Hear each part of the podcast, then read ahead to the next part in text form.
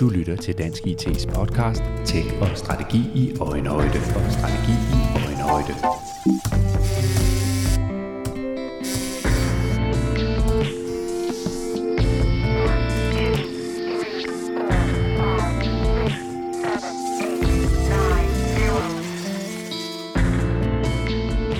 Digital transformation er et stort tema på tværs af både den offentlige og private sektor, og der er ikke meget, der tyder på, at det vil ændre sig i de kommende år. Tværtimod.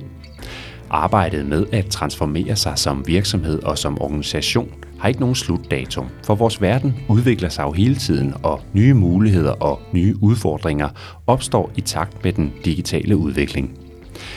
Derfor er kunsten i høj grad at få skabt et fundament i virksomheden, der gør, at man bliver i stand til at rykke sig og kan udnytte det digitale mulighedsrum på både den korte og den lange bane. Som mange af jer lyttere sikkert har erfaret, så er en digital transformation ikke noget, der sker på én gang. Derimod er det de mange små skibe i søen, der på sigt skaber en transformation og dermed gør virksomheden i stand til at kunne navigere i den digitale verden. Du lytter til en særudgave af Dansk IT's podcast i anledning af, at vi er nået til episode 70. Du kan i denne jubilæumsepisode møde nogle af de medvirkende fra de foregående episoder af podcasten. Vi forsøger her i podcasten at bringe snakken om digitale transformationer ned i øjenhøjde ved at give dig nogle helt konkrete input til, hvordan digital transformation og digital innovation kan gribes an i praksis. Vi begynder med at zoome ind på nødvendigheden af, at man i virksomheden får skabt en fælles grundforståelse af, hvad digitalisering egentlig betyder, og hvilke perspektiver og potentialer digitaliseringen rummer. Da jeg i episode 55 havde besøg af Reimer Ivang, erhvervsforsker og selvstændig konsulent, talte vi om begrebet digital forestillingskraft. Her kan du høre et klip fra det interview, hvor Reimer Ivang forklarer, hvorfor den digitale forestillingskraft er så afgørende. Jamen det, der ligger i begrebet digital forskningskraft, er jo grundlæggende forståelsen af, at her før 50 år efter, at vi opfinder den, øh, den, den digitale mikrochip, jamen der bliver vi nødt til at anse digitalisering som en kompetence. Altså, vi, er jo, vi har været vant til, at vi er blevet eksperter gennem at bruge nogle computere, som først var rigtig, rigtig dårlige, og som nu er blevet meget, meget bedre. Og nu kommer digitalisering ud alle steder. Og derfor skal vi se digitalisering som en kompetence. Og det er en kompetence, som går over en kompetencebeskrivelse, færdigheder, viden, erfaring og holdninger, eller attitude, hvis du kan sige det på den måde. Mm. Og det vil sige, at hvis du vil være god til digitalisering, jamen så skal du have et udviklet sæt af digitale færdigheder. Det er nogle helt grundlæggende digitale skills. Altså, man kan ikke forestille sig, at man har digital forskningskraft, hvis man ikke kan bruge Word, hvis man ikke kan bruge Office, hvis man ikke kan bruge mange andre værktøjer. Så skal vi have viden, og øh, der skal vi have en, en, en relevant viden, generisk viden om et helt sæt af nye teknologier. Men vi skal simpelthen se på teknologierne som værktøjer, værktøjer, der kan øge vores, vores effektivitet og vores, vores økonomiske formåen i vores, i vores virksomheder. Øh, så skal vi have erfaringer. Øh, der sidder rigtig, rigtig mange, som ved noget om nogle teknologier, men ikke har nogen relevante erfaringer med det. Og det er en ret stor barriere for at igangsætte nogle af de aktiviteter, der skal i gang med det her. Mm. Og så til sidst, jamen, så skal vi have en holdning. Øh, dermed jo ikke sagt, at vi skal have en, en, en ja-hat, og, og digitalisering altid bare er, er godt. Men vi skal have en attitude og en vilje til at ville arbejde med det. Øh, og så selvfølgelig skal vi have en kritisk holdning og tilgang til digitalisering, ligesom vi altid har. Mm. Men, men vi skal have en grundlæggende idé om, at det kan betale sig. Reimer Ivang, erhvervsforsker og selvstændig konsulent, forklarede i episode 55 også, at digitaliseringens rolle har ændret sig ganske meget i de seneste årtier, og at den digitale forestillingskraft derfor også er kommet til at spille en mere og mere central rolle. Jamen, det, hvis vi ser på den, altså hvis vi går tilbage og kigger på øh, digitalisering i sådan lidt et, et historisk perspektiv, så var digitalisering jo øh, i, i mine tidlige teenageår noget, der var meget låst til nogle computere. Altså det var simpelthen en, en, en, en 386'er, det var digitalisering, og det var derinde i. Og hvis vi så ser på processen derfra så til nu, så er digitaliseringen jo flyttet sig fra at være noget, der er i computer, til nu er det også i mobiltelefoner, nu er det i lamper, nu er det i tv, nu er det i, og snart er det alle steder. Og derfor så er digitalisering det digitale mulighedsrum, kvad den eksponentielle udvikling og, og mange andre ting, så eksploderer det digitale mulighedsrum nu. Og det vil sige, at digitalisering er ikke noget, der er aflukket et bestemt sted. Det er noget, der påvirker vores organisationer fra gulv til loft og fra væg til væg. Og derfor så taler vi jo om i salg, der skal du have digital forestillingskraft, fordi ellers kan du ikke benytte dig af de muligheder, der er inden for salg i dag. Det kan du heller ikke, hvis du sidder i en projektstyringsafdeling, eller hvis du sidder som topleder, eller hvis du sidder som bestyrelsesmedlem. Mm. Så derfor så er digital forestillingskraft, det er en grundlæggende kompetence, som skal være til stede i vores organisationer fra gulv til loft og fra væg til væg. I podcasten med Reimer Ivang om digital forestillingskraft medvirkede også virksomheden Niras, der i den grad kan tale med om behovet for at sikre digitale kompetencer og digital forestillingskraft på tværs af virksomheden. Det er nemlig det, der gør en organisation i stand til at identificere områder, hvor det giver værdi at arbejde med digitale teknologier. Det forklarer Christian Holmegård Mossing, Vice President for Data Analytics og Planning i Niras. Jo, altså man kan sige, at vi, vi har, som jeg, som jeg sagde, en meget bred forretning, øh, og har også mange digitale produkter, og arbejder med digitale værktøjer hver eneste dag. Øh, så der er jo bestemt folk, der arbejder med og har digital forestillingskraft, men det er slet ikke nok. Altså, øh, det er de få, de få øh, virkelig at have, have den store forståelse for det her. Og jeg tror også, der er begyndt at komme en erkendelse blandt andet også i topledelsen om, at det er det noget, vi skal arbejde aktivt med. Så jeg vil sige, der er ligesom er to hovedmålgrupper i det her. Der er topledere, øvre mellemledere, som er dem, der skal vi sige, sidder på pengekassen og som skal træffe beslutninger om investeringer. Og, og i sidste ende handler digital forskningskraft for den gruppe om at have en god øh, mavefornemmelse, når de skal træffe beslutninger om investeringer. Det sker jo tit, at, øh, at ting bliver sat i, i, i værk. Der bliver lavet prototyper, der bliver lavet forsøg, øh, man, man kommer i gang.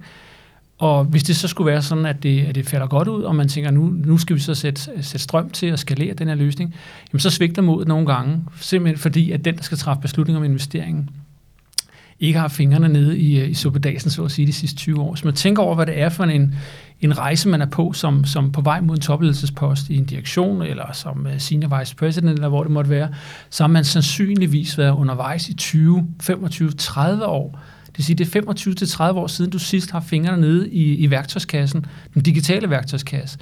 Og det er jo altså en menneskealder, når vi snakker digital, øh, digitalisering og digital innovation og udvikling. Så, så mange af de begreber, som, som man beskæftiger sig med i dag omkring kunstig intelligens og machine learning og IoT og sådan noget, altså det er bare, det er bare ord for dem. Det er ikke nødvendigvis hands-on begreber.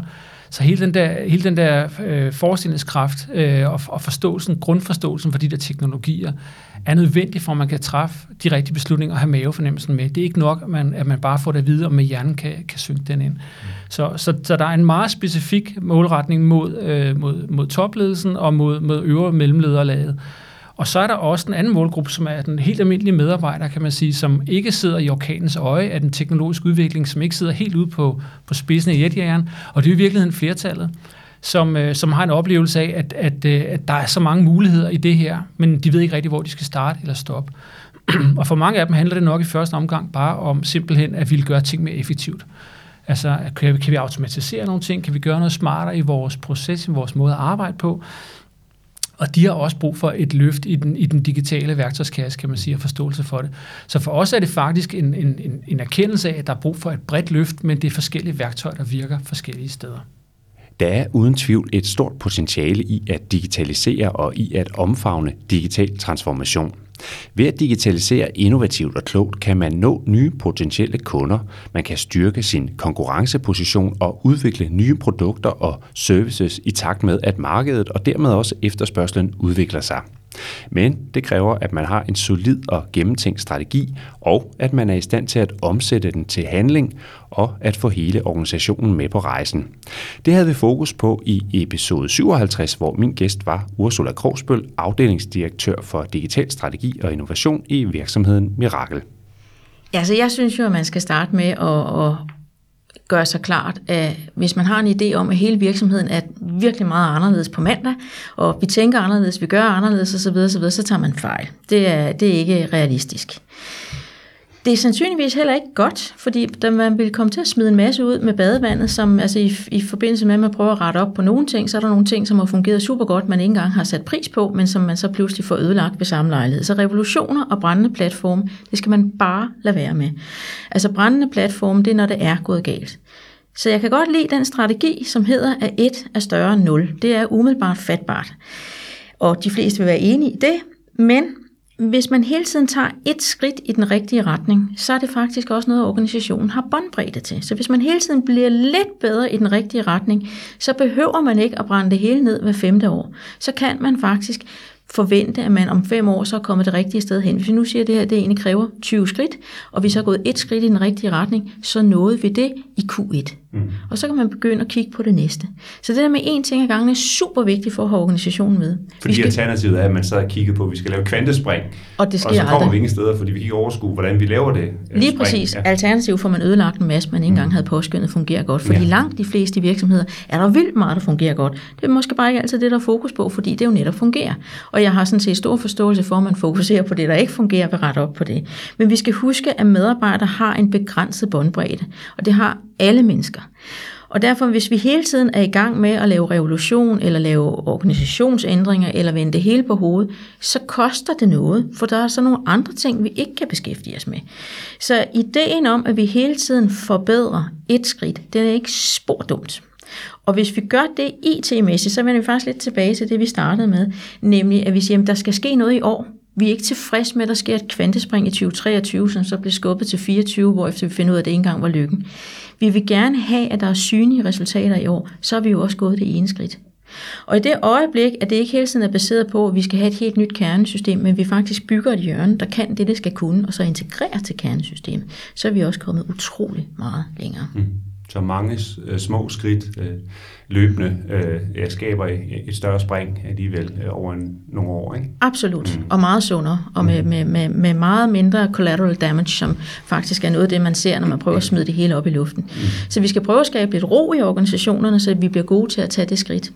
Du lyttede her til en lydbid med Ursula Krogsbøl, afdelingsdirektør for digital strategi og innovation i virksomheden Mirakel. Hun medvirkede i episode 57. Her har vi fortsat gang i episode 70, en særepisode, hvor en række eksperter kommer med gode råd og betragtninger om digital transformation og digital innovation. Tilbage i episode 56 dykkede vi ned i en vaskeægte dansk iværksættersucceshistorie, der netop bygger på digital innovation. Jeg havde nemlig besøg i studiet af Eske Gunge, stifter af virksomheden Actimo. Actimo blev stiftet i 2012 og står bag en digital, app-baseret platform til medarbejderengagement, kommunikation og træning. Actimo blev efter 8 år på markedet solgt til norske Kahoot for 200 millioner kroner. Jeg spurgte i interviewet blandt andet Eske Gunge, hvordan man sikrer, at de digitale løsninger, man udvikler, rent faktisk bliver et hit, og rent faktisk er noget, brugerne får værdi ud af at anvende. Uh, det er et svært spørgsmål, fordi øh, djævlen ligger i detaljerne her. Øh, fordi der er jo altid flere dimensioner i en løsning. Ikke? Der er jo øh, den, øh, hvad den gør i teorien, eller hvad man i praksis kan gøre med metodemæssigt med en løsning, og så om man rent faktisk får det gjort, får den brugt. Og øh, næsten alle platforme er jo afhængige af, øh, at dem, der skal bruge det, engagerer sig i det.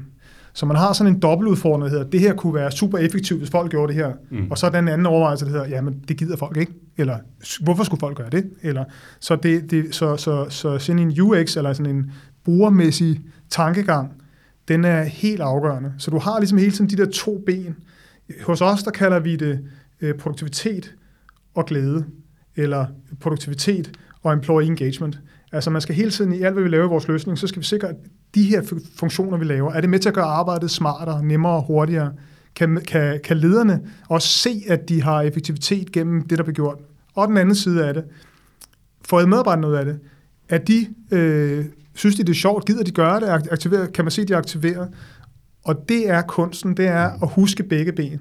Og hvis man er i tvivl, så skal man starte med medarbejderne eller brugerne i løsningen mm. først. Altid. Fordi det giver sig selv. Hvis ikke de gør det, så virker det ikke. Til gengæld, hvis du har fat i dem, så kan du altid lave noget, der virker. Mm. Så du skal altid starte der. Og det, det er den balance. Så du skal balancere de to ting, men hvile mest på, øh, på det ben, der mm. hedder, hvordan synes folk, det er at bruge. Det vil sige, user experience betyder sindssygt meget. Mm. Og, og, og netop øh, UX og i forhold til, til de platforme, man så arbejder med, kan det da være en styrke at gå så rent fokuseret på de mobile platforme, som I har gjort? Altså, de er jo et eller andet sted øh, symbolet på brugervenlighed og på, på brugerengagement. Vi sidder jo med de smartphones i hænderne hele tiden. Det er ikke noget, vi skal tvinges til. Det gør vi bare. Ja, det vil jeg sige. Det korte svar ja. Øh, fordi at øh, det der med at gå mobile first, det hjælper en lidt til at målstyre på, men der er kun den her plads. Der er kun det her, det skal stadig være. Så på den måde øh, bliver man hjulpet af knaphed i interfacet. Øh, og, og det skaber selvfølgelig også det, det dilemma, der siger, hvad så når du også skal, fordi vores platform kan også bruges på, øh, på PC'en i, på, på et fuldt, øh, fuldt stor skærm, ikke? Men der, der, det er jo ikke det, den er bygget til først og fremmest. Og det gør jo så, at man skal lave en overvejelse omkring, hvad er det for en slags løsning, man laver. Mm. Altså er det en løsning, som først og fremmest skal fungere på mobilen, eller først og fremmest på skærmen, eller begge dele, og hvis så, så er det en meget, en endnu større udfordring. Ikke? Øh, for os, der er valget nemt. Vi er non-desk, deskless, frontline, hvad du vil, først. Vi leverer også til mange, der er desk-medarbejdere, eller hvad er deskvirksomheder, men, men non-desk først. Og derfor så mobilen først. Det vil sige, at alle vores UX-overvejelser siger, at det her skal først og fremmest være nemt og effektivt og lækkert og sjovt på mobilen. Sekundært, øh, gerne subsidiært, men sekundært på, øh, på, på, øh, på, på en større skærm. Mm. Men det kommer an på, hvad det er for en produkt, man bygger. For os der er der en helt klar prioritering, men vi, skal, men vi har begge dele med. Digitalisering rummer et enormt potentiale for alle virksomheder og organisationer. Det er dog lettere sagt end gjort at udnytte potentialet. Ofte støder man på tekniske, kompetencemæssige og strategiske barriere på den digitale rejse. Måske har man forældet IT-systemer og teknisk gæld, der besværliggør digital innovation. Og måske råder man ganske enkelt bare ikke over de kompetencer, der er behov for, hvis man skal være i stand til at bringe digitaliseringen til et nyt niveau. I episode 68 havde vi fokus på barriere for digital innovation og digital transformation, ikke mindst i den offentlige sektor. Her kan du høre en del af interviewet med Jeppe Hedå, stifter af 7N og bestyrelsesformand i virksomheden, og Emil Holmegård, platform lead og management consultant i 7N. Jamen altså, en af de områder, som vi har øh, taget frem i dag, er jo også øh, fortidens sønder, om man så må sige. Og i IT-verdenen er det jo sådan, så vi hele tiden udvikler nye systemer. Men vi glemmer lidt de gamle systemer, som vi også udviklede, og som nogen stadigvæk bruger, eller hvor vi stadigvæk har data, eller noget enkelt funktionalitet, som vi ikke lige har de nye, som gør, at der stadigvæk er brug for at vedligeholde dem. Og det åbner en overraskende stor øh, problemstilling faktisk. Øh, dels omkring sikkerhed selvfølgelig, at man lige pludselig står med nogle gamle platforme, som ikke er understøttet eller vedligeholdt længere, og der er nogle sikkerhedsbreaches der, som man skal tage hensyn til. Men også ud fra et ledelsesperspektiv, så har du faktisk medarbejdere, der skjult går og vedligeholder. Det er ikke en del af din projektbeskrivelse, det er ikke en del af din planlægningsark. Men øh, så du tænker ikke over det. Men Jens, han går faktisk og bruger 20% af sin tid på at vedligeholde det der gamle, og han har en masse switching cost, fordi han nogle gange skal han lave det ene, nogle gange skal han lave det nye. Og øh, det er noget, der kommer til at brage frem til overfladen nu her inden for de næste 5-10 år. Mm. Øh, og det bliver en stor opgave. Altså der ligger op. simpelthen en, en, en regning og venter, eller ja. en udfordring der, ja. vi skal have taget det kan vi se. Ja. Og både i den private sektor, men der er det lidt mere skjult, øh, og i den offentlige sektor bliver det meget tydeligt snart at øh, der er altså nogle oprydningsopgaver, som er kolossale. Og øh, det er der ikke nogen, der har budgetteret med. Øh, og det er der ikke nogen, der budgetterer, det værst, der er ikke nogen, der budgetterer med det i dag. Så det vil sige, at det er skjult i dag. Men hvad er problemet i bare at lade, lade de her øer af, af gamle øh, IT-systemer og gamle øh, databaser blive liggende og sejle deres egen sø, og så kan vi kigge fremad og udvikle nogle, nogle nye, moderne løsninger. Emil? Ofte så, øh, så i de her legacy-systemer, altså de gamle systemer, der ligger noget funktionalitet, som du ikke har fået flyttet ud. Der ligger måske også noget skjult viden, som at dem, der har udviklet det, de er der ikke længere. Øh, så hvis man bare slukker den ned, ja, så mister du den del. Men hvis du bare lader dem leve videre, så har du en hel masse omkostninger, og som jeg vil sige, øh, en sikkerhedsrisiko, fordi det vil være der, hvor du angriber, fordi de bliver ikke vedligeholdt. Det vil sige, at der er sikkerhedshuller. Øh, der kan ligge data. Altså, jeg tænker, at GDPR, øh, det har været et kæmpe issue i de her øh, større systemer, så man har formentlig lagt et eller andet mellemlag ind over, som lige skulle skjule, øh, at vi ved faktisk ikke, om vi får fjernet det hele. Øh, og den er der bare. Øh, hele den der viden, øh, vidensdeling, der mangler, fordi man har udliciteret i en periode, så er man i gang med at trække tilbage igen. Og man har ikke rigtig fået det dokumenteret, man har måske ikke fået fjernet det gamle. Der er så mange ting, der kan stå i vejen for ens øh, nye strategi, når man gerne vil øh, videre. Hvad er så jeres øh, anbefalinger til, hvordan vi som, øh, som samfund øh, med en offentlig sektor får gjort os fri af den her tekniske gæld og de her legacy-systemer? Hvad, hvordan kan vi gribe det an, både strategisk og, og praktisk? Ja, teknisk gæld, det er jo egentlig et, det er tekn, altså det er et abstrakt begreb, som siger noget om, at lige så snart vi skal ændre noget på et system, så ligger der en skjult omkostning. Det er noget, du egentlig betaler af på, hver gang du ændrer i din kode, og den bliver ikke rigtig synlig helt op i toppen. Og det vil sige, at ledelsen er måske ikke klar over det. Derfor så er det vigtigste, man kan gøre, det er faktisk at synliggøre det. Håndtere teknisk gæld som enhver anden risici, der er i en virksomhed. Øh, og det vil sige, at den skal så højt op på, øh, på hvad hedder det, bestyrelsesniveau eller øh, direktionsniveau som overhovedet muligt, så man ved, hvis vi ændrer kursen en smule og ændrer vores strategi, så skal vi lige være opmærksom på, at vi har gjort de her handlinger tilbage i tiden, eller måske for 10 minutter siden, der gør, at vi kan ikke gå den retning. Ja, det kunne være, hvordan har du lavet din, øh, din sprogversionering i dit, øh, dine programmer? Har du lavet et hotfix, øh, fordi du skulle bare lige kunne understøtte to øh, sprog? Så kommer ledelsen og siger, vi skal egentlig også lige have det her sprog på. Jamen, så laver vi bare lige et hotfix mere. Så tænker de, åh, det var nemt. Vi skal lige have tilføjet de her tre sprog. Så kan du ikke længere måske bruge det her hotfix, fordi nu er det spredt ud over det hele. Så er du nødt til først at rydde op, og altså så lavet en ny, rigtig måde at gøre det på. Og den bliver dyr, den der, når du finder ud af det tredje gang. Havde du lige gjort opmærksom på, at vi laver et hotfix her, så vi kan ikke gøre det her igen, så havde man allerede anden gang fundet ud af det, og så fået det implementeret korrekt.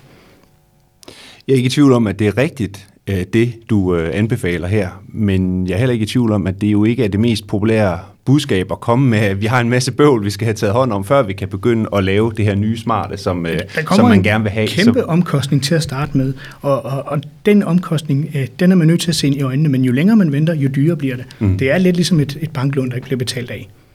Digital transformation kan godt være en lidt uoverskuelig størrelse. Derfor er den praktiske tilgang også, at det er et stykke arbejde, der skal tages bid for bid, og hvor man skal være bevidst om, at behov og krav hele tiden udvikler sig. Med det som udgangspunkt er agile projekter i den grad i højsædet mange steder. I episode 66 havde jeg besøg af Lasse Boris Sørensen, Senior Agile Coach og administrerende direktør i virksomheden Plan A. Vi talte om, hvad det er, der kendetegner de velfungerende og succesfulde agile projekter og agile projektteams. Ja, det er der. Der er noget omkring, at de har kompetencen til at beslutte noget, og så har de jo den der sammensætning, så det ikke kun er byggere, eller ikke kun er brugere, men det er begge parter. Og så er der typisk en rigtig god stemning. Så det at, at sørge for, at der er nogen, der, der også står for den del, og, og når du rammesætter projektet, både sætter nogle penge af til, og noget tid af til, at du kan fejre succeserne, og, og sørge for at få, få den der gode bold til at rulle. Øh, ja, så det, det er sådan øh, nogle ting, vil jeg sige, hvor du i hvert fald gør klogt i, ikke kun at kigge på det fremdriftsmæssige, men også kigge på det sociale, fordi vi har sådan et, et, øh, et mål, der handler om at skabe bedre resultater hurtigere, måned efter måned. Og, og det sidste handler om, at man skal trives i projektet. Fordi når du gør det, så, så bliver det nærmest en magnet. Når du som projektleder får leveret nogle projekter, hvor folk leverer før tiden og har haft det rigtig, rigtig sjovt undervejs. Klart, de vil da gerne arbejde med dig næste gang. Helt sikkert. Og, og tilsvarende på virksomhedsniveau, det er jo også noget, der er med til at tiltrække folk. Og er der tilsvarende også nogle øh, kendetegn ved de projektteams, hvor tingene kører skævt, og hvor, øh, ja, okay, hvor, øh, hvor det ikke går, som man ønsker? Hvad, hvad, hvad, hvad, kan man, hvad kan man sige om det? Organisering for eksempel, det har jeg i hvert fald oplevet, øh, hvor at, øh, hvis man organiserer sig på en måde, sådan så, så der er god mulighed for at, at, øh, at hvad hedder, forbigå projektlederen, og egentlig har en styregruppe, der, der er mere operationel end blot at være styregruppe, det kan skabe øh, det frygteligste virvar, og det er i virkeligheden sådan lidt uden for projektlokalet, og alligevel så kommer det direkte ind i projektlokalet, ind i projektlokalet og kan i den grad være med til at, at skabe forvirring og utryghed, og, og jo slet ikke den der teamånd, hvor man sammen får, får formet, hvordan teamet skal være, og få det til at rulle. Så det kan, ja, organisering, det er virkelig vigtigt. Mm. Og også inputtene fra lederniveau. Altså som i gamle organisationslærer sagde, kultur drypper nedad. Og hvis kulturen peger i samme retning som den adfærd, der spiller rigtig fint sammen med den agile projekttilgang, så kører det bare. Men hvis det er det stik modsatte, så, så går det ikke. Og jeg vil også sige, at jeg har været ude for projektet også, som har været sådan meget micromanagement-agtigt. Og det, ligger, det er jo noget helt andet, agil projektledelse lægger op til. Og derfor, så snart vil jeg næsten sige, at man ser det, en projektleder på et agilt projekt, der laver micromanagement, så vil jeg sige, gør alle folk en tjeneste at skifte vedkommende ud. Noget af det, øh, jeg selv ofte har oplevet, og som jeg tænker rigtig mange andre også kan genkende til, det er det her med, når man har et team, øh, at så kan der være noget omkring, om man rent faktisk arbejder i retning mod det samme mål, eller om man ligesom er meget fokuseret på sine egne opgaver og sine egne mål, i hvert fald dem, der ligger lige umiddelbart for. Hvordan sikrer man, at der er et fælles mål, man går efter, og man er i stand til at samarbejde omkring og nå frem til? Der, ting, der er mange øh, ingredienser i det der, men umiddelbart så vil, jeg, så vil jeg hoppe over i, i noget, der kunne rime på forandringsledelse, og så sikre sig, at der er en topledelse, der sætter retningen tydeligt, og så er der nogle umiddelbare øh, ledere, altså det lederlag, der ligger umiddelbart over medarbejderne, at de, at de understøtter tydeligt den samme retning, og så i øvrigt sørge for nogle helt praktiske ting, som for eksempel ikke at overbooke folk. Og så kan man sige, hvad betyder det egentlig? Jo, nu har vi jo haft corona, og der er jo i den grad sket en stigning i, at folk kan være med på, på virtuelle møder. Og det, der sker nogle gange, det er jo, at folk de sidder og laver alt muligt andet. Når du har sådan en, en dagsworkshop, hvor der er pause og alt muligt, sådan, så, så det burde faktisk være en, en, uh, god oplevelse at være med. Men så når du spørger uh, en eller anden person på, på holdet, så kommer de mærkeligste svar igen og igen. Og det er jo fordi vedkommende sidder og laver noget andet. Og det mener jeg, at det i virkeligheden ikke tænker jeg, fordi vedkommende ikke har lyst til at være med, men det er fordi vedkommende er blevet dobbeltbooket, og egentlig skal levere dobbelt så meget, som øh, det egentlig er rimeligt. Mm. Og på den måde, så, så tvinger virksomheden eller ledelsen sådan set sine medarbejdere ud i at øh, sidde og lave noget andet. Og, og der vil jeg sige, for agile projekter, der er en forside af at have meget stærke teams, som fungerer godt sammen. Og det er jo netop, at du kan skabe de her fantastiske resultater, og at folk synes, det er rigtig dejligt at være med. Bagsiden af den medalje, det er, at hvis folk ikke deltager, så er prisen meget større. Så hvis du har en 6 timers workshop, hvor den ene så hopper til 2 timers møde, så står resten af, af forsamlingen øh, mere eller mindre stille, fordi de input, der skulle komme fra den kant, kommer ikke, fordi vedkommende er der ikke. Og det vil sige bare, at prisen den er højere ved fravær, end den ellers ville være. Ja, så der er i hvert fald noget omkring, hvordan man i tale sætter den udfordring som, som ledelse, altså at når vi holder den her workshop, øh, på tirsdag i næste uge, så er det altså så er det rigtig vigtigt, at I, at I er der, og, og ikke bare er med sådan på papiret, men også er med mentalt, øh, og er til stede i, i, i lokalet, om det så er virtuelt eller fysisk. Helt afgjort, men jo egentlig endnu mere end det, fordi der er jo også eksempler på ledere, der hiver sine egne medarbejdere ud til nogle andre ting, velvidende at den workshop, der faktisk kører. Øh, og, og, det er jo sådan, det, og, og det ved folk jo i teamet godt, at lederen ved. Og så begynder det at smuldre, ikke? Fordi så, hvis ledelsen, apropos kultur drypper nedad, ikke understøtter, at vi har den her workshop, hvad er det så, vi skal? Og, og det er derfor, det er nogle gange øh, meget lidt, der skal til på ledelsesniveau, for at man kan komme til at træde ved siden af, og, og det så kan have en større konsekvens, end man måske lige kunne forestille sig. Så derfor, det er lige på ledelsesniveau for sat sig ind i nogle gode do's og nogle gode don'ts, det er nok nogle skidte don'ts, øh, sådan som man i hvert fald er klar over, hvad, hvad vil være smart at gøre, hvad skal man undlade at gøre. Du har lyttet til en særudgave af Dansk IT's podcast Tech og Strategi i Øjenhøjde i anledning af, at vi er nået til episode 70. I episoden mødte du en række eksperter, der gav gode råd om digital innovation og digital transformation. Du finder links til de fulde interviews med de medvirkende ved at se den skriftlige beskrivelse af denne episode 70. Og husk så, at du kan abonnere på Dansk IT's podcast via din foretrukne podcast-app. Du finder podcasten ved at søge på Tech og Strategi i øjenhøjde. Med det vil jeg sige tak, fordi du lyttede med, både i denne og i tidligere episoder af podcasten. Vi høres ved lige pludselig.